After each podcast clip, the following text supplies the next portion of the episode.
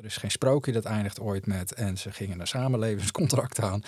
Totdat ze niets meer met elkaar hadden en de prins weer een ander procesje vond. Nee, iedereen verlangt om de enige speciale te mogen zijn in het leven van die ander. Een podcast voor kerkgangers, kerkverlaters en kerkelozen. Hagebreken. In een onzekere wereld waarin veranderingen elkaar versneld opvolgen en ons samenkomen, zingen en beleven steeds vaker onder druk komt, is een bijbelse koers houden een must en een kompas. Tuurlijk, het is jouw leven, het is jouw schip, maar de beste stuurlui, die hebben een loods. Mijn naam is Benaya en ik vaar graag een handje met je mee. Hi, fijn dat je weer luistert naar Hagepreken. Misschien denk je, wat is dit nou weer voor titel? Nou, daar kom ik zo op. Het is beslist niet banaal bedoeld. Ik ben in ieder geval blij dat ik je aandacht heb. Maar een en ander heeft te maken met de eerste aflevering van 2024, waarin ik je vertelde dat ik wakker werd met een specifiek woordje. En het was een woord wat, wat mij betreft, de toon zet voor het nieuwe jaar, namelijk epiphany, wat in het Engels zoveel wil zeggen als openbaring. En er kwam ook nog bij dat Epiphany bleek te zijn die ochtend, tenminste dat las ik zo, een oude christelijke feestdag die wereldwijd nog wordt gevierd ten nagedachtenis aan het bezoek van de wijze aan het kindje Jezus. Bij ons beter bekend als drie koningen. En vorige keer leren we dat deze koningen, deze magi, magiërs uit het oosten, drie geschenken meebrachten. En daarmee bleek hun kraambezoek boordevol symboliek. Voor mij dus de aanleiding om een nieuw thema en een nieuw seizoen. Namelijk, wat geef je een koning die zichzelf aan jou gaf? Nou, u zult ongetwijfeld wat restantjes van het vorige thema doorcijpelen naar 2024. Maar daar ben je wel een beetje van me gewend, denk ik. Trouwens, wat het laatste feest betreft, denk ik overigens dat de term Epiphany de lading eigenlijk beter dekt dan het Nederlandse drie koningen. En tenslotte draait het natuurlijk niet helemaal om die drie wijzen, of helemaal niet om die drie wijzen. Het ging juist om de koning boven alle koningen en niet die drie koningen. En, en degene die ze mochten bewonderen. Daar ging het om. En feitelijk het hele verhaal over die eerste epiphany, die eerste openbaring van de Messias, ja, dat vieren we natuurlijk met kerst. hij kwam in onze wereld. En we weten dat de herders eigenlijk de eerste preview kregen van de hoogste koning. En toch gaat het verhaal van de wijzen, die kwamen om hem te aanbidden, over die eerste openbaring van de Messias aan de heidenen.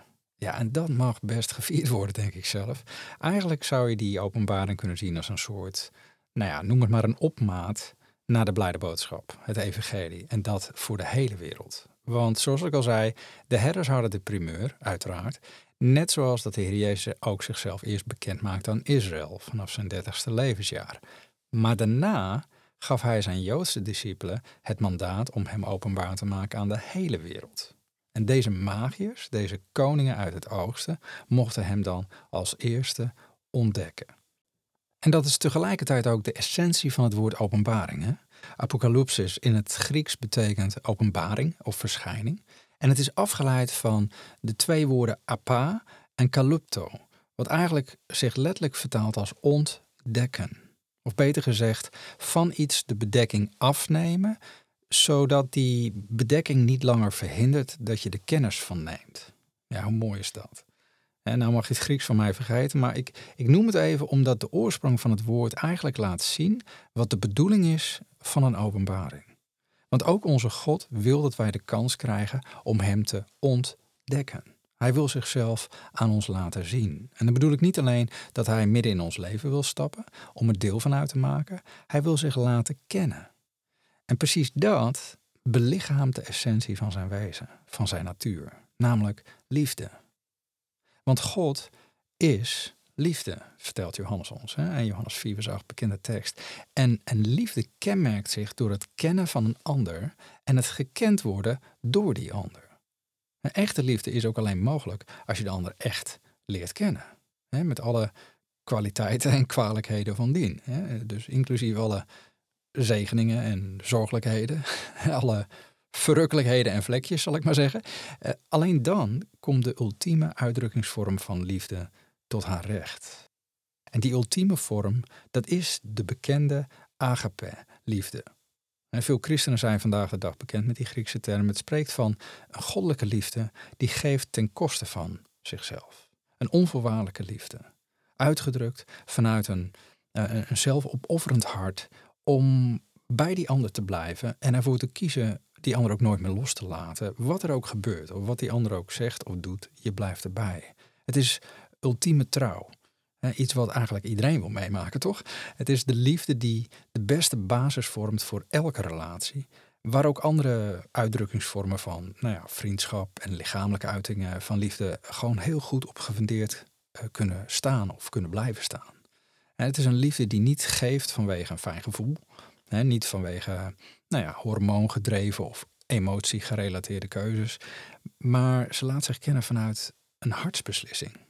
En dat in de volledige wetenschap dat het jou zelf meer kost dan dat je er misschien ooit voor terug zal krijgen.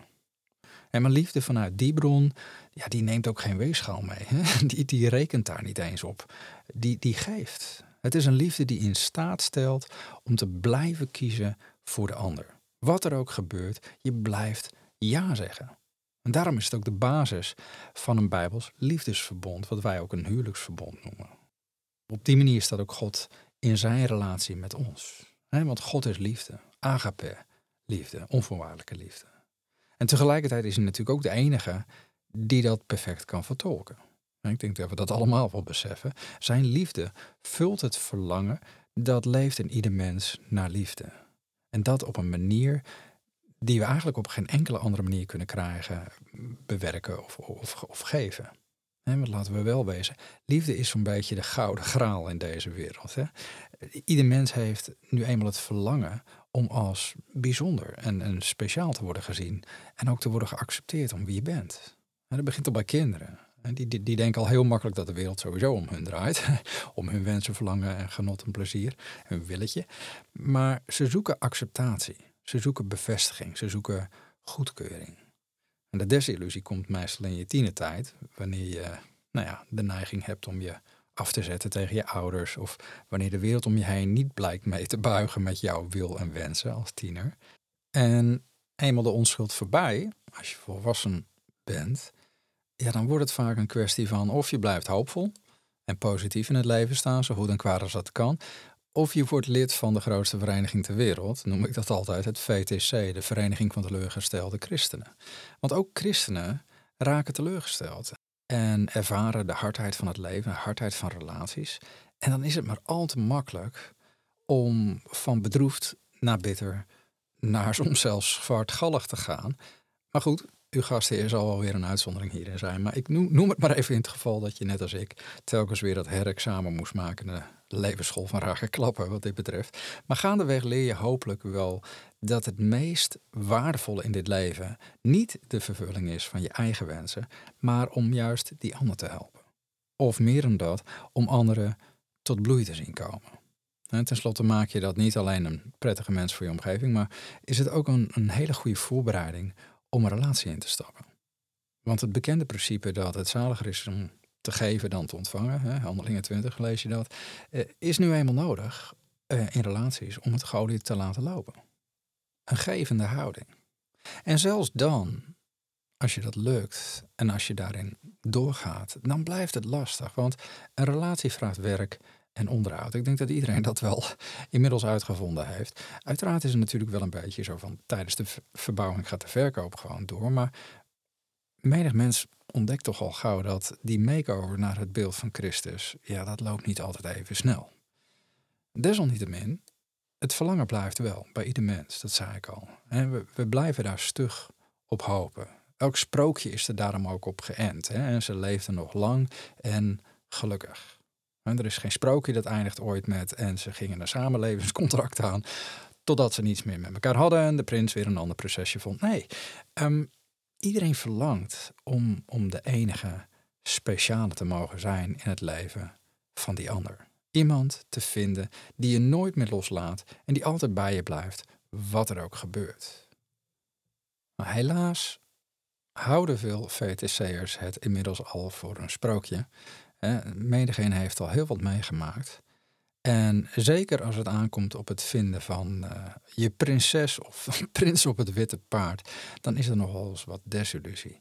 Uh, simpelweg omdat de realiteit is dat we in een wereld leven waarin we elkaar en vaak ook onszelf enorm teleurstellen. En dat is dan weer precies de reden waarom geen mens de plek van God in kan nemen. Hij is namelijk de enige die het allemaal waar kan maken. Want hij heeft je uniek gemaakt. En hij vindt je ook zo speciaal dat hij nog voor je stierf voordat je zijn liefde ook maar zelfs wou beantwoorden. En daarom is hij, zoals het zo mooi staat in het Engels, the Prince of Peace. De vredevorst zeggen wij in het Nederlands. De Prince of Peace die het verlangen van de mens naar ultieme liefde kan waarmaken. Hij komt zelfs terug op een wit paard. Straks, boeiend genoeg. De vraag is eerder, wie zegt nog volmondig ja tegen hem? Want hij wil wel. Hij heeft dat in de Heer Jezus dubbel en dwars laten zien. En in zijn verlangen om zichzelf aan ons te openbaren, houdt hij ook niets terug als het aankomt op het laten zien wie hij is. Want hij is niet als een mens. Hij speelt vanaf het begin af aan geen rol. Hij speelt geen mooi weer. Hij zegt niet voor niets tegen Mozes, die hem vroeg om zijn naam: Ik ben die ik ben. Nou, misschien ken je die naam inmiddels al. Dat is een bekende, wat ze noemen de tetragramon, de vier letters JHWH of YHWH, de naam Yahweh of, of Jehovah, net hoe je het uit wil spreken. Dat is hoe de Heere God zich aan Mozes openbaarde. Want dat is wat hij als zijn naam opgaf. En ik noem dat even in deze context, omdat juist die naam zo enorm veelzeggend is. Aan de ene kant geeft het aan dat hij er altijd is. Hij is alomtegenwoordig, zeggen we dan zo fraai. Hij is ook consistent als persoon, want hij is nou ja, gisteren, heden en tot een eeuwigheid dezelfde. Hebreeën 13 vers 8. Maar het geeft ook nog iets anders weer. Iets waar veel mensen niet over nadenken. Want de naam ik ben die ik ben wil namelijk net zo goed gewoon zeggen: dit is wie ik ben. What you see is what you get. Take it or leave it. Dit ben ik. Je kan het leuk vinden of niet. Ik verander niet. Ik ben die ik ben. En soms zegt hij dat ook letterlijk in het woord. Hè? Ik, de Heere God, ben niet veranderd. Hè? Geloof Mal Malachi 3. Eh, zoals ik al zei, God speelt geen rol als hij zichzelf laat zien. Hij speelt geen mooi weer. Hij is wie hij is. Niet dat hij zich überhaupt beter hoeft voor te doen dat hij is. Hij is al goed, hij is de beste. Maar toch, wat je ontdekt als hij zich openbaart, ja, dat is soms chockerend. Ja, natuurlijk niet als je binnen de lijntjes van de kinderbijbel blijft. Je merkt het pas als je buiten die veiligheidshekjes stapt. Um, om even de context te geven, gaandeweg merkte ik dat die koters van mij, die kids, die, die, die waren een beetje verveeld met alle uitgekoude verhalen. En terecht hoor, overigens. Steeds weer diezelfde figuurtjes. Hè? Je, kent het misschien wel. Hè? Je, je pakt zo'n kinderbijbel, je leest over Adam, Noach, Abraham, David, Gideon, wat heb je nog meer? Uh, misschien Jona. En dan Jezus en de discipelen uiteraard. Maar um, ik neem dus tegenwoordig de gewone Bijbel als springplank voor wat ik noem de rest van de kinderbijbel, die nooit werd geschreven. Maar dat betekent wel dat ik altijd even een minuutje of tien tijdens het eten het woord moet scannen en voorkouwen voordat ik een verhaal vertel. Omdat nou ja, de Bijbel is toch wel behoorlijk ruig af en toe eerlijk is eerlijk, gewoon net iets te heftig voor, voor die kleine kinderoortjes. Gewoon omdat God het liet optekenen zoals het is. Het leven wat de mens leeft, met alle rottigheid van dien, maar ook hoe God daarin staat, daarmee omgaat, met alle maatregelen en uitspraken van dien. En dat is, wat ik al zei, soms behoorlijk heftig. Vandaar dat ik er soms even wat hapklare brokken van moet maken. Maar zelfs volwassenen kunnen het soms maar moeilijk slikken. Je leest dat ook in de Bijbel. Dat hij ehm, nou ja, op een bepaald moment heel wat chockerende uitspraken doet en volgelingen kwijtraakt. bijvoorbeeld toen hij zichzelf openbaarde als degene door wie een mens eeuwig zal leven. En dat hij het brood des levens uit de hemel was. Net zoals het mannen destijds uit de hemel werd gegeven. En toen namen een hoop mensen namen aanstoot aan hem. Omdat hij het had over figuurlijke wijze het eten van zijn vlees en het drinken van zijn bloed. En nogmaals figuurlijk bedoeld, maar toch, je leest dat wel hè, in Johannes 6. En dan staat er dat van, vanaf die tijd trokken vele van zijn discipelen zich terug. En ze gingen niet meer met hem mee. En dan volgt, en wat ik het altijd prachtig vind, het meest opmerkelijke, dat de Heer Jezus dan tegen de laatste twaalf zegt: Wil je dan ook niet weggaan?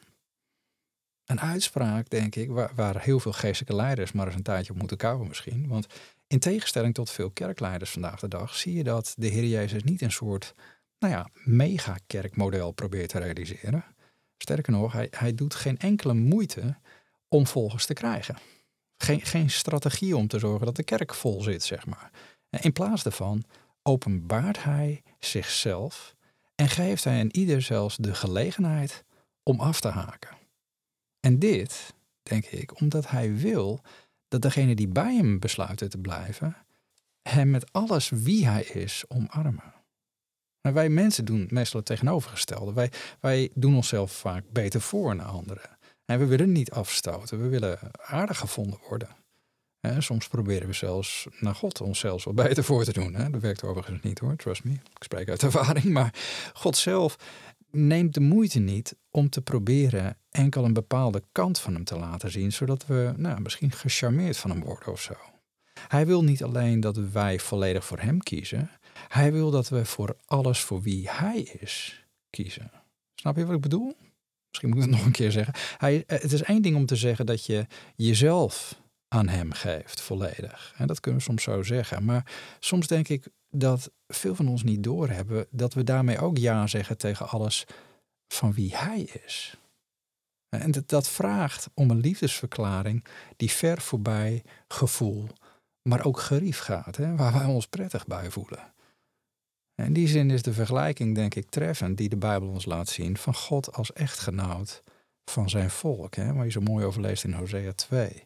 Of als Christus hoofd van de gemeente, zoals dat in een huwelijk tussen man en vrouw is in Efeze 5. Ja, want een huwelijk is namelijk zo'n openbaring, zo'n ontdekking. Alles wie je bent, komt open te liggen binnen een huwelijksrelatie. Het is letterlijk en figuurlijk een ontdekken van wie de ander is. En dat komt altijd na de romantische dates, de zwoele zomeravond op het bankje in het park. En, en de lieve berichtjes na middernacht die je slaaploos doen dromen, zou ik maar zeggen. Maar eh, in, in dat stadium besef je nog helemaal niet wie de ander werkelijk is. Dat is misschien maar goed ook, want nou ja, het leven mag ook prachtig zijn als je buik nog een broeines van vlinders is. Als je nog helemaal opgaat in je geliefde, dat, dat is heerlijk. Daar draait de radio wel bij, zullen we maar zeggen. En die euforie, die, die, die heerlijke gevoelens, worden daar niet voor niets ja, bezongen, al eeuwenlang bejubeld en nagejaagd. Maar het blijft een roze wolk. En waarom?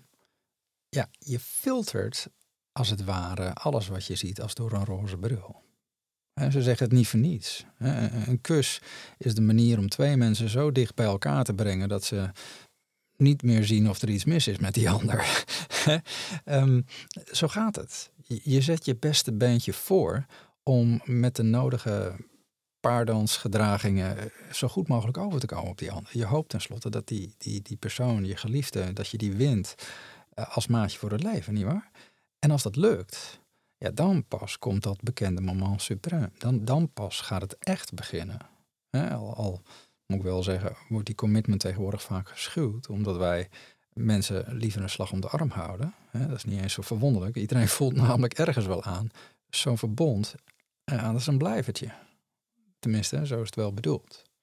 Een huwelijk is een commitment dat verder gaat als simpelweg lekker blijven slapen en een beschuitje eten.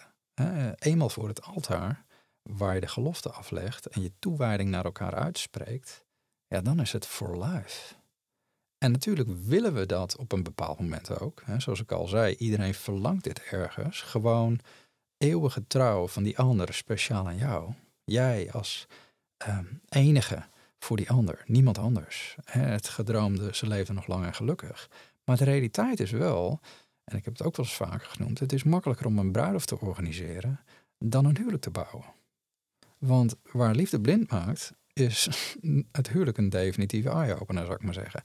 Binnen het huwelijk kan je je namelijk niet meer verbergen.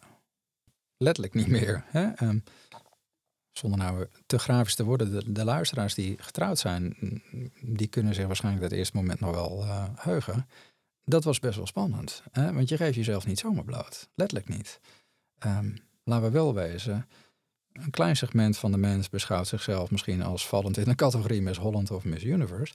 Maar uh, als je eenmaal in Adams kostuum voor elkaar staat, ja, de meeste van ons hebben dan toch wel een beetje gêne. En je begrijpt dan net even iets beter waarom Adam en Eva naast op zoek gingen naar wat vijgenblaadjes. Schaamteloosheid weet ik wel, dat wordt vandaag de dag gevierd, maar het is niet natuurlijk. En waarom heeft God het niet zo bedoeld? Het, het blijft namelijk daardoor kostbaar. Als, als het binnen een verbond wel mag worden ontdekt. Maar goed, dat is een ander verhaal, daar ga ik nu niet op in. En, en toch ehm, sta je dan niet alleen fysiek naakt tegenover elkaar, maar ook qua persoonlijkheid. En ook dat is een enorme kwetsbare openbaring van jezelf aan de ander. Waardoor hij of zij ontdekt wie je werkelijk bent. En vice versa. En dat, dat beste beentje, ja, dat kende je natuurlijk al toen hij of zij jou het hof maakte. Maar ineens blijkt er nog een been te zijn. en, en, en dat kende je minder goed. het duurt meestal niet lang, of je komt er ook achter dat wanneer dat been uit bed stapt, nou, nou ja, goed. Je begrijpt ook mijn punt, denk ik wel. Maar pas na de bruiloft ontdek je hoe de ander werkelijk is, van dag tot dag. Inclusief, nou ja, jarenlang ingeslepen gedrag. En, en misschien merkwaardige opvattingen en, vreemde neigingen. En dan verbaas je je soms hoe het kan dat de dingen die je ja, echt eerst dacht van nou wat een vertenerende gewoonte of wat een schattig tikje. Ja, op langere termijn dan kan het nog wel eens bijzonder irritant worden. En dan komt het erop aan of jij ook kan jubelen met 1 Korinthe 13 over jouw geliefde. Jubelen in jouw liefde, zou ik maar zeggen. Of je door oefening, want die krijg je, kan leren zeggen: In mijn liefde ben ik geduldig, ben ik vriendelijk en niet jaloers, niet trots of gewichtig. En ik zoek niet mijn eigen belang, maar eerst dat van die ander. En in mijn liefde raak ik niet verbitterd en denk ik geen kwade dingen. En dan ben ik blij met de waarheid over de ander. Ook al is dat slikken soms. En als dat zo is, dat ik even drie keer moet slikken, dan, dan bedek ik in mijn liefde hem of haar. Want ik blijf geloven, ik blijf hopen en ik blijf verdragen. Omdat ik een beslissing heb gemaakt dat deze liefde blijvend zal zijn. Deze agape liefde. Je leest het zo mooi in 1 Korinthe. Het is een fantastische tekst. En dat geldt niet alleen voor een huwelijk. Hè, maar een huwelijk komt dat wel heel erg dichtbij en, wel heel erg in your face wordt het dan. Ik denk wel eens dat een huwelijk de snelste manier is voor karaktervorming als je het toestaat. Ja, dan denk je misschien, ja, dat klinkt allemaal mooi, eh, zo'n ideaal plaatje. Maar het is wel geschreven door Paulus natuurlijk. Hè? En, en laten we niet vergeten dat hij ook vrijgezel was. Natuurlijk, dat is een goed punt. Wat ik al zei, het geldt niet alleen voor een huwelijk, maar toch, het was wel de Heer Jezus die hem de aard van deze agape-liefde openbaarde. En ik weet wel dat voor veel mensen, helaas ook voor veel christenen, dit een utopie lijkt, een soort sprookje inderdaad. Maar dat is de reden dat veel mensen ook weer een punt achter de relatie zetten. Het is een test. Is die agape-liefde de roots, is dat de wortel van je relatie. En veel mensen, die hebben niet zo gebouwd. Of die zijn niet zo ingestapt. En die gaan dan opnieuw op zoek. Al dan niet met begrip en aanmoediging van een selecte vriendenkring. Helaas zijn er tegenwoordig nog wat apps waarin uh, mensen al swipend hopen nou ja, nieuwe buikvlinders te kunnen laten ontpoppen. En, en als digitale rupsjes nooit genoeg daar uh, lang mee bezig gaan. Alsof er ooit iemand zou kunnen zijn die je wel gelukkig zou kunnen maken. En alsof wij mensen ooit vervulling zouden kunnen vinden in een ander mens. Alsof we ooit een persoon buiten God zouden kunnen vinden die louter goedheid en trouw uitademt. Iemand die niet zal wedijveren met onze eigen tekortkomingen en grillen. Ik denk het niet. Wakey, wakey, it ain't gonna happen. Alleen de Heere God kan dat gat vullen. Goed. Inmiddels denk je misschien, uh, wordt dit nou een relatiepreek of uh, wat is het? Nou nee, dat niet. Maar mijn punt is dit. We kunnen onszelf beter voordoen, maar die ander zal vanzelf ontdekken. Een epiphany krijgen van wie we werkelijk zijn. En bij God is het dus niet anders. Met dit verschil, hij kan zich dus niet beter of anders voordoen. Hij heeft ook geen enkel verlangen om voor ons iets te verbergen op het moment dat wij ons leven aan Hem geven.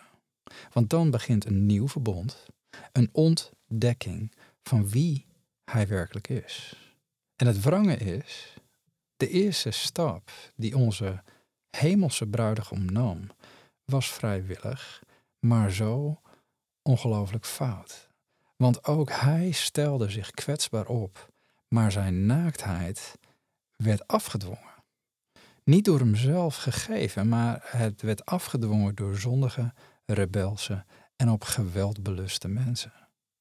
En hij hing daar, naakt. Want volgens de vrede Romeinse richtlijnen hadden criminelen geen rechten. Ze werden gemarteld en dan als een soort homp vlees aan een paal gespijkerd. Zo bot was het. Veel mensen beseffen dat niet hoor. Het is uit liefde en medelijden dat veel kunstenaars door de eeuwen heen die het tafereel portretteerden, de Heer Jezus nog een, een soort lendendoekje hebben meegegeven. Een doekje voor het bloeden. Meer niet. Misschien wel onze menselijke poging om de door ons veroorzaakte schaamte en pijn postuum nog wat te verzachten of zo, wie zal het zeggen, maar de Heer hing daar in extreme pijn, armen wijd gespreid, vastgespijkerd, zodat hij ook met geen mogelijkheid zichzelf meer kon bedekken, zijn naaktheid niet, open en bloot voor de wereld, niets meer te verbergen. Ik denk dat we zwaar onderschatten als de schrijver van de Hebreeënbrief zegt dat hij om de vreugde die hem in het vooruitzicht was gesteld, het kruis heeft verdragen en de schande veracht. Hebreeën 12 lees je dat. Maar daaraan zie je, hij hield niets terug. Hij gaf alles, zelfs zijn eigen waardigheid. Van mensen die het eigenlijk niet mochten zien, gaf hij zichzelf. dat zou ons met oneindige nederigheid, schuldbesef en dankbaarheid moeten vervullen. Ik word er altijd een beetje emotioneel van als ik eraan denk, maar de, de God van het universum, letterlijk werkelijk Mr. Universe, ja, gaf alles. En waarom? Zodat wij Hem zouden kunnen leren kennen binnen een nieuw verbond dat gesloten werd in bloed. Bloed voor velen vergoten tot vergeving van zonde. Je kent het stuk wat hij zegt tegen zijn discipelen in Matthäus 26 misschien. Dat offer opende de weg naar een leven met Hem, een overweldigende ontdekking van alles wie Hij is. En leg je je hand in de zijne, dan openbaart Hij Zijn volledige persoonlijkheid aan jou. Niet alleen de aspecten van Zijn karakter waar je je lekker en veilig bij voelt, maar alles. En een indrukwekkend voorbeeld daarvan vind ik altijd het moment dat Johannes hem ontdekt in het laatste boek van het Nieuwe Testament, Openbaring. Daar heb je het. Nu hebben we dat in de meeste Bijbelvertalingen Openbaring van Johannes genoemd, maar eigenlijk zegt het eerste vers het hele anders, namelijk Openbaring van Jezus Christus. Lees het maar eens na. En dat omdat de Heer Jezus Christus zichzelf in zijn volheid aan Johannes laat zien en ook wat hij gaat doen in de toekomst. En als je dat laatste boek een beetje hebt doorgebladerd, dan weet je denk ik wel dat het boek Openbaring niet alleen maar spreekt van zelfopofferende liefde, vrede, vreugde, vrijheid, blijheid en fijne gevoelens. Je leest er heel duidelijk dat de ik ben die ik ben zijn volledige aangezicht toont. En dat begint al als hij Johannes en de zeven gemeenten van Klein-Azië toespreekt. En de climax is als hij orde op zaken stelt als de hoogste koning en heer boven alle heren. Als hij recht gaat spreken om zijn schepping weer tot herstel te brengen en zijn mensen tot hem te vergaren. Dan gaat het er rigoureus aan toe. Echt heel heftig. Met alle elementen die een rechter in zijn arsenaal heeft, van gratie tot zeer zware veroordeling. En je kan daarom het boek Openbaring bijna niet lezen zonder heel stilletjes te worden, zeg ik altijd, en te beseffen dat we te maken hebben met een ontzagwekkend God. De ik ben die ik ben. En het mooie is, we mogen hem toch nu al leren kennen, hem ontdekken op een hele tedere manier. En ik moet je eerlijk zeggen, hoe langer ik leef, hoe meer ik besef hoe nauw het erop aankomt om heel dicht bij Hem en zijn woord te blijven. Maar ook hoe meer ik mijzelf toevertrouw aan Hem, hoe meer ik ook onder de indruk kom van wie Hij werkelijk is. En hoe ver zijn koningschap en ook zijn zeggenschap in mijn leven eigenlijk gaat. Tegelijkertijd besef ik me ook wel dat ik heel weinig kan meebrengen. Hoe langer ik leef en hoe meer mijn bronnen in Hem blijken te zijn of te horen te zijn. De stappen die ik neem, zijn invloed op de keuzes die ik maak, de vorming van mijn karakter en gedrag, het behoud van mijn leven, mijn, mijn familie. Ik besef me steeds meer hoe afhankelijk ik ben van zijn voorziening, van zijn genezing, van zijn bevrijding. En ook van zijn vermogen om lief te hebben door mij heen. Want die agape liefde, die heb ik echt niet zelf. Het is werkelijk zoals Paulus zegt in Galaten 2 vers 20. Ik ben met Christus gekruisigd. Het is niet meer ik die leef, maar Christus leeft in mij. En voor zover ik nu nog in dit lichaam, dit vlees leef, leef ik door het geloof in de Zoon van God. Die mij heeft liefgehad. Die mij heeft liefgehad. En zichzelf voor mij heeft overgegeven. In Galaten 2 vers 20. Ja, en ik maak dat kleine uitstapje naar relaties, omdat het is misschien een beetje voor mij te vergelijken met de verbazing en, en ook wel de dankbaarheid die ik ervaar in mijn relatie met mijn vrouw. Ik weet niet of je dat herkent. Ik, bedoel, ik ben 13 jaar vrijgezel geweest. En ja, dan kom je uiteindelijk iemand tegen en dan, dan ben je eigenlijk verbaasd dat iemand voor je kiest. En dat, dat heb ik nog steeds. Dat ze bij me blijft, ondanks wie ik ben. Ehm, hoe vaak ik soms nog overduidelijk in aanbouw ben en, en mezelf niet beter kan verkopen. Dat maakt je ergens klein of, of nog kwetsbaarder misschien wel, uh, omdat alles zo open ligt. Enfin, misschien is dat silly old me, maar dan herken je dat niet of wel. Maar in elk geval ben ik op dezelfde manier ook verbaasd en dankbaar als ik nadenk over God. Een beetje zoals David dat zong. Hè? Als, ik, als ik de hemel zie en het werk van uw vingers, de maan en de sterren die u een plaats gegeven hebt. Wat, wat ben ik dan als sterveling dat u aan mij denkt? Wat, wat is de mensenzoon dat u naar hem omziet? En toch weet ik dat we wel degelijk wat te geven hebben. Of misschien beter gesteld dat we wat aan hem terug te geven hebben. En, en daar wil ik dus dit seizoen met je bij stilstaan. En omdat ik vorige keer met je keek naar de drie geschenken van de wijze, goud, wierik en mirre, neem we dat als springplank om te kijken hoe dit weerslag heeft op wat wij onze koning kunnen geven. De koning die zichzelf blootgaf ten koste van zichzelf. Om ons te winnen voor zichzelf. Binnen een verbond waarin wij ook door hem ontdekt worden. Naarmate we meer openbaring krijgen van wie hij is en wie hij wil zijn voor ons. En er is genoeg te ontdekken, denk ik, om een heel seizoen te vullen. Maar dat bewaren we voor de volgende aflevering. Voor nu, blijven luisteren naar Gods woord, blijven koers houden.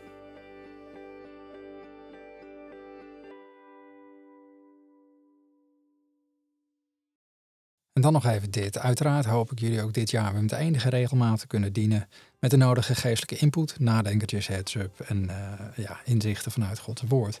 Maar nog wel een kleine disclaimer aan deze kant van de microfoon.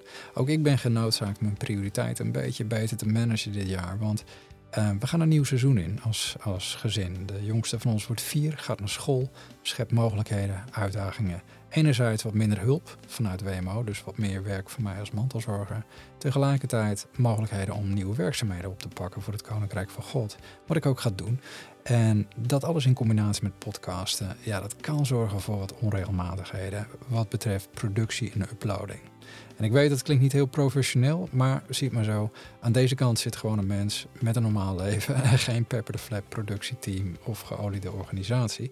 En sommigen hebben dat al gemerkt, dat, uh, nou ja, goed, dingen komen soms wat later online. Dan staan ze wel klaar, maar ze staan nog niet online. Ik kan je in elk geval aanraden om je te abonneren op de podcast. Dan geeft jouw favoriete podcast app je vanzelf wel weer een seintje als er een aangepreek online staat. Dan mis je in ieder geval niets. Hoe dan ook, bij gebrek aan een strakke regelmaat hoop ik dat de consistentie van het blijven doorgaan van deze podcast nog steeds in je voordeel werkt. We zijn tenslotte niet voor niets bij aflevering 94 aangekomen, toch? Je moet me zo denken, de hagepreken van weleer en het onderwijs van de Heer Jezus en de discipelen, die waren ook niet altijd zo strak geregeld op dezelfde locatie of vaste dag. Klokken stipt, zou ik maar zeggen. Dus in dat spoor zit ik ook een beetje.